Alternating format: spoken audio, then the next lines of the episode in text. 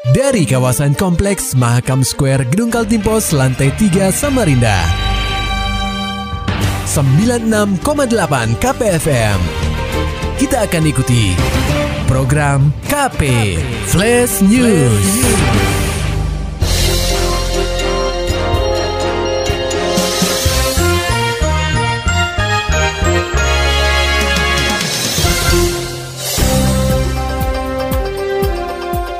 Anda sedang menyimak program KP Flash News bersama saya Agung Pratama. Pendengar KP sejak 2010 silam Dinas Perpustakaan dan Kearsipan Daerah atau DPKD Kaltim terpilih sebagai Center of Excellence. Hal tersebut membuat pemerintah pusat memberikan tanggung jawab kepada DPKD Kaltim untuk mengelola laman pustaka Borneo. Pustakawan ahli muda DPKD Kaltim, Winda Fitri Yanti menjelaskan, laman pustaka Borneo merupakan situs rumah belajar di mana sejak ditunjuk menjadi Center of Excellence, Kaltim mendapat amanah untuk mengelola laman www.pustakaborneo.org. Yanti mengatakan karena namanya Borneo, laman ini akan menampilkan segala hal tentang Kalimantan. Situs ini menjadi wadah untuk memperkenalkan budaya khas Kalimantan, konservasi alam, kesehatan, pengembangan pertanian organik, tanaman, obat, dan lain-lain kepada lingkungan sekolah, masyarakat setempat, dan masyarakat umum. Oleh sebab itu, Yanti berharap masyarakat Kalimantan, khususnya Kaltim, untuk bisa memanfaatkan situs website Pustaka Borneo, supaya budaya dan sejarah yang ada di Kalimantan bisa dikenal di seluruh Indonesia, bahkan dunia sekalipun. Pendengar KP guna meningkatkan kerjasama dengan perpustakaan lain di Kalimantan, Dinas Perpustakaan dan Kearsipan Daerah atau DPKD Kaltim akan berkeliling ke seluruh provinsi di Kalimantan. Pustakawan ahli muda Fatimah Irni menerangkan hal tersebut dilakukan berdasarkan kesepakatan dari rapat koordinasi, pengembangan Center of Excellence Budaya Kalimantan, dan sosialisasi pelestarian naskah kuno di Kutai Kartanegara pada Juli lalu. Tujuan dari kegiatan ini untuk mengunjungi DPKD di Kalimantan yang belum menandatangani perjanjian kerjasama. Sejauh ini, Fatimah mengatakan hanya DPKD Kaltara yang sudah menandatangani perjanjian kerjasama. Sisanya yaitu Kalsel, Kalteng, dan Kalbar belum melakukan. Fatimah melanjutkan DPKD Kaltim sudah melakukan rapat untuk menentukan kunjungan ke tiga provinsi tersebut. Rencananya kunjungan akan dilakukan pada Oktober ini serta paling lambat November mendatang. Semua perjanjian kerjasama telah selesai ditandatangani. Kerjasama ini dinilai penting karena mengacu pada surat keputusan Kepala Perpustakaan Nasional RI nomor 78A tahun 2011, di mana hanya ada enam badan perpustakaan provinsi yang ditetapkan menjadi Center of Excellence dan Kaltim menjadi salah satunya. Meski telah lama ditunjuk, namun hingga sekarang belum ada perkembangan kegiatan atas program yang harus dijalankan. Daerah yang ditunjuk sebagai Center of Excellence sendiri memiliki tugas untuk memenuhi kebutuhan pemustaka terhadap informasi tentang budaya-budaya yang ada di Indonesia, khususnya budaya dan etnis di Kalimantan. Karena pentingnya sejarah, budaya, dan kultur Kalimantan untuk dikembangkan, maka DPKD Kaltim berharap hal ini didukung oleh semua elemen, pemerintah, dan masyarakat agar kebudayaan Kalimantan bisa tetap terjaga. Berita selanjutnya pendengar KP sebagai upaya mengurangi jumlah volume arsip yang tidak memiliki nilai guna. Dinas Perpustakaan dan Kearsipan Daerah atau DPKD Kaltim menekankan kepada organisasi perangkat daerah atau OPD untuk segera melakukan pemusnahan. Kepala Bidang Pengelolaan Kearsipan DPKD Kaltim, Jayadi mengatakan, pemusnahan arsip dilakukan untuk efisiensi, sehingga memudahkan pencarian arsip yang dibutuhkan serta memberikan tempat bagi arsip yang baru. Di sisi lain, Aris Paris ahli muda DPKD Kaltim, Dewi Susanti, memaparkan pemusnahan arsip merupakan upaya untuk menjaga keamanan informasi pada arsip dari penyalahgunaan pihak-pihak yang tidak bertanggung jawab sekaligus menyelamatkan arsip yang bernilai guna. Berdasarkan peraturan ANRI nomor 25 tahun 2012 tentang pedoman pemusnahan arsip, ditegaskan bahwa arsip yang telah melampaui batas usia ideal yakni 10 tahun harus dimusnahkan. Prosedur pemusnahan arsip oleh OPD pencipta arsip dilakukan melalui beberapa tahapan, mulai dari pembentukan panitia penilai arsip, penyeleksian arsip, pembuatan daftar arsip usul musnah, penilaian arsip, permintaan persetujuan pemusnahan, penetapan arsip yang akan dimusnahkan, dan terakhir pelaksanaan pemusnahan arsip. Sesaat lagi kita akan simak Parlamentaria DPRD Kaltim persembahan dari 968 KPFM Samarinda.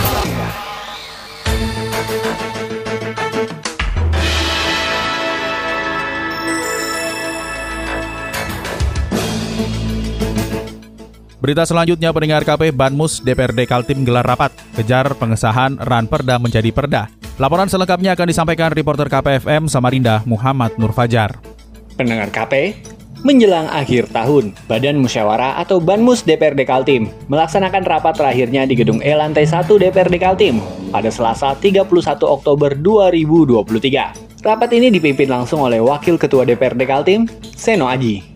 Ditemui usai rapat, Seno menekankan bahwa dalam rapat Banmus kali ini, pihaknya lebih banyak mengejar penjadwalan rapat paripurna DPRD Kaltim terkait pengesahan rancangan peraturan daerah atau Ranperda menjadi sebuah peraturan daerah atau perda karena DPRD Kaltim harus mengesahkan semuanya sebelum akhir tahun. Adapun beberapa ranperda yang masih dalam pembahasan oleh panitia khusus atau pansus dan komisi di DPRD Kaltim antara lain adalah Pansus Fasilitasi Penyelenggaraan Pendidikan Pondok Pesantren, Pansus Trantibum Linmas, perubahan perda, pengarus utamaan gender, serta perubahan bentuk perusda.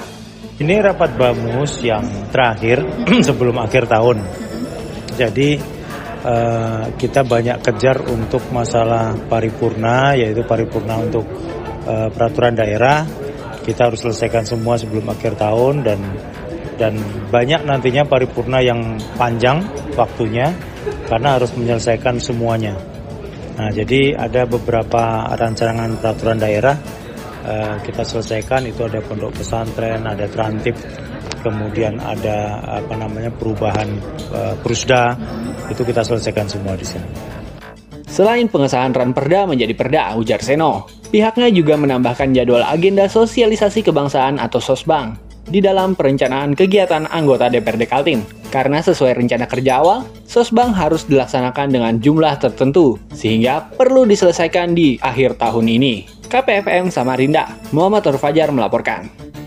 Sementara itu pendengar KP, anggota DPRD Kaltim Rusman Yakub mengajak mahasiswa-mahasiswi dari program studi S1 Pemerintahan Integratif atau PIN Visip Unmul untuk melakukan kuliah kunjungan lapangan ke Gedung Karangpaci atau sebutan kantor DPRD Kaltim pada Selasa 31 Oktober 2023. Rusman sendiri diketahui merupakan dosen pengampu mata kuliah praktikum tata naskah dinas dari S1 PIN Visip Unmul. Ditemui usai kegiatan, politisi P3 ini menyampaikan bahwa mereka ini diproyeksikan khusus untuk menjadi aparatur sipil negara atau ASN, khususnya untuk pemerintahan di daerah. Berkaca dari hal itu, Rusman sebagai dosen pengampu mengajak mereka ke DPRD Kaltim karena DPRD merupakan bagian pemerintahan yang proses tata naskah dinasnya sama dengan lembaga pemerintahan yang lain. Anggota Komisi 4 DPRD Kaltim ini menjelaskan saat ini tata naskah dinas pemerintah sudah mengarah kepada sistem e-government atau penggunaan tata naskah dinas elektronik. Dalam waktu dekat, mahasiswa-mahasiswi ini akan dibawa mengunjungi setiap unit di Sekretariat DPRD Kaltim.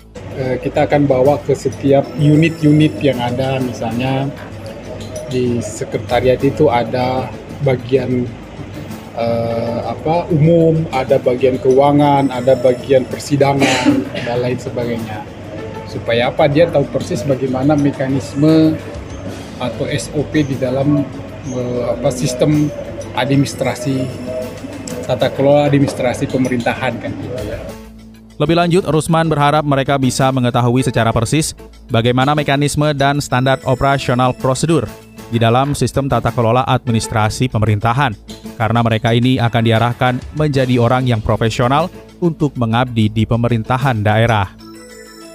Pendengar KP anggota Komisi 4 DPRD Kaltim Rusman Yakub menghadiri acara Maulid Nabi Muhammad Sallallahu Alaihi Wasallam 1445 Hijriah yang digelar di kantor pengurus wilayah Nahdlatul Ulama atau PWNU Kaltim Kamis 26 Oktober 2023. Acara ini dirangkai dengan peringatan Hari Santri Nasional dengan agenda penyerahan bantuan paket sembako kepada 500 anak yatim dan kaum duafa.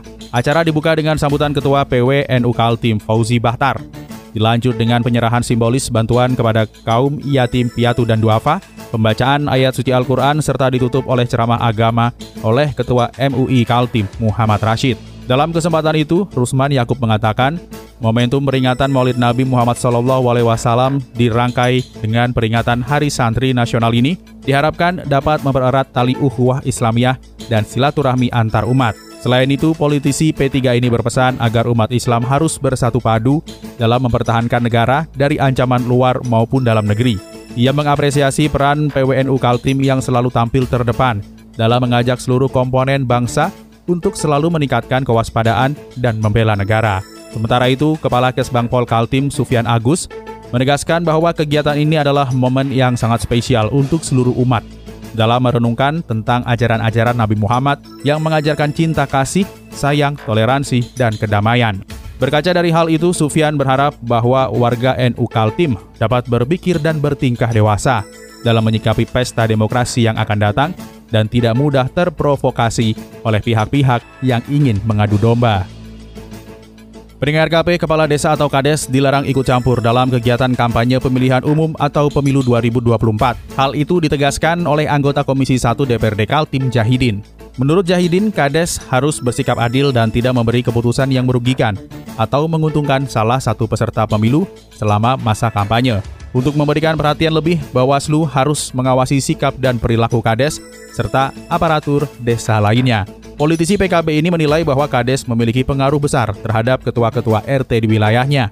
Apabila ditemukan Kades dan aparatur desa yang tidak netral, maka desa mendesak Bawaslu untuk bertindak tegas kepada Kades dan aparatur desa yang nakal. Bawaslu sendiri merupakan penyelenggara pemilu yang memiliki kewenangan untuk menjamin proses pemilu yang jujur dan adil.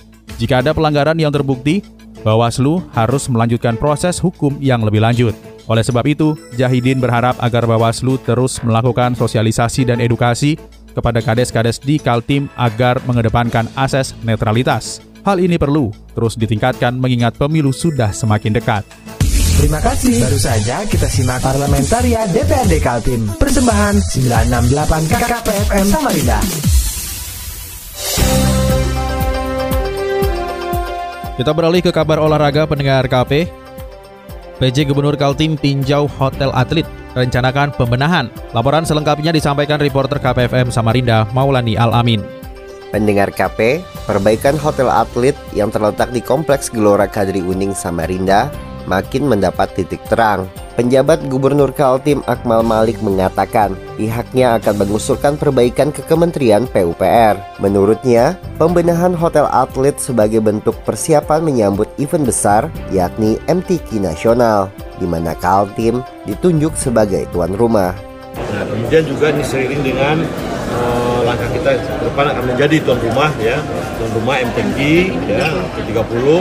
Kita juga meninjau beberapa venue kita, uh, persana kita yang uh, cukup uh, terabaikan. Kita berharap tadi Ibu Sekda yang juga adalah Ketua Umum PTK Kalimantan Timur uh, bisa menginventarisir dulu ya menginventarisir.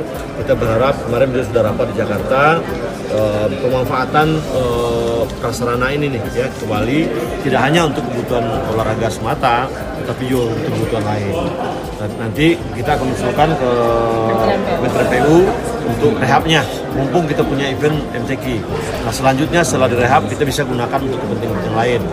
Diinformasikan, hotel atlet merupakan aset pemerintah yang jadi fasilitas penunjang pada PON ke-17 tahun 2008 di Kaltim. Pasca event olahraga terbesar di Indonesia tersebut, kondisi bangunan hotel yang memiliki kapasitas 248 kamar itu terbengkalai. KPFM Samarinda, Maulani Alamin, melaporkan. Maulani Alamin, Muhammad Nur Fajar, KPFM Samarinda. Serta dapatkan berita-berita selengkapnya di www.968kpfm.co.id. Demikian tadi telah kita simak rangkaian berita-berita yang terangkum dalam program KP Flash News. Persembahan dari 96,8 KPFM. Terima kasih dan sampai jumpa.